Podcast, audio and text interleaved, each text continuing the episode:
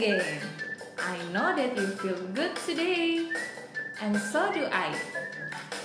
Today we come with a new story, and I hope you will enjoy it.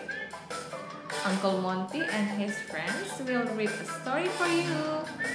The story about a lovable princess who are so sweet and pretty. Private kids, can we start? Be ready and make yourself convenient.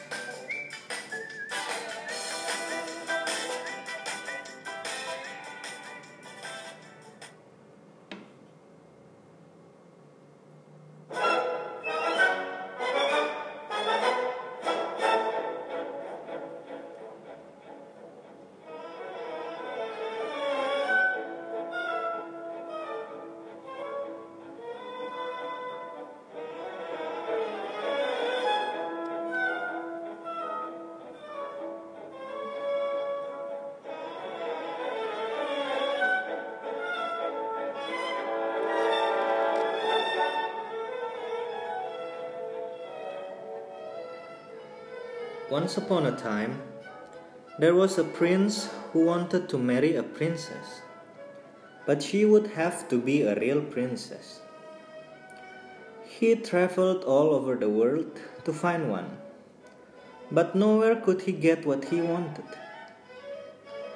There were enough princesses, but it was difficult to find out whether they were real ones. There was always something about them that was not as it should be. So he came home again and was sad, for he would have liked very much to have a real princess.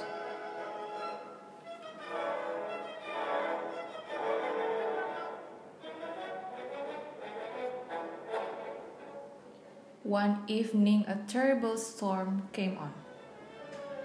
There was thunder and lightning, and the rain poured down in torrents. Suddenly, a knocking was heard at the city gate, and the old king went to open it. It was a princess standing out there in front of the gate.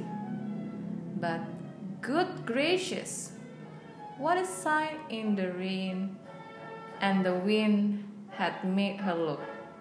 The water ran down from her hair and clothes. It ran down into the toes of her shoes and out again at the heels. And yet, she said that she was a real princess.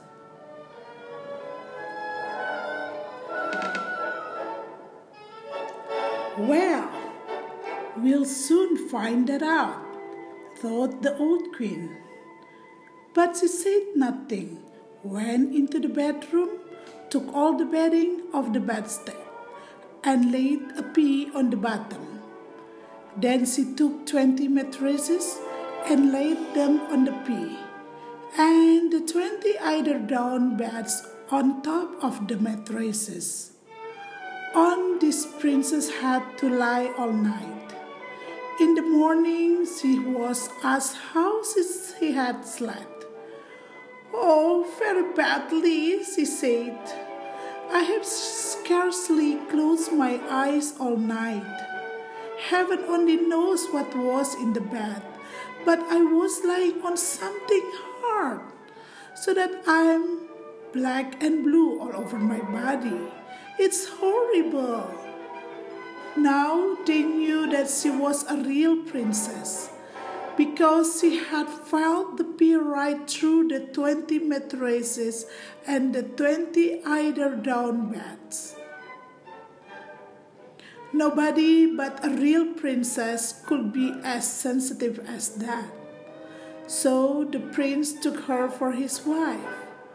For now he knew that he had a real princess, and the pea was put in the museum where it may still be seen if no one has stolen it.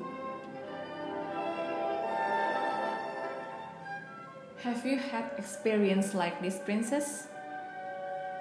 Do you like the story? Being a special person requires effort and good attitude. So, private kids, let us always be special. See you next week with the other story, and of course, it will be more interesting. Bye!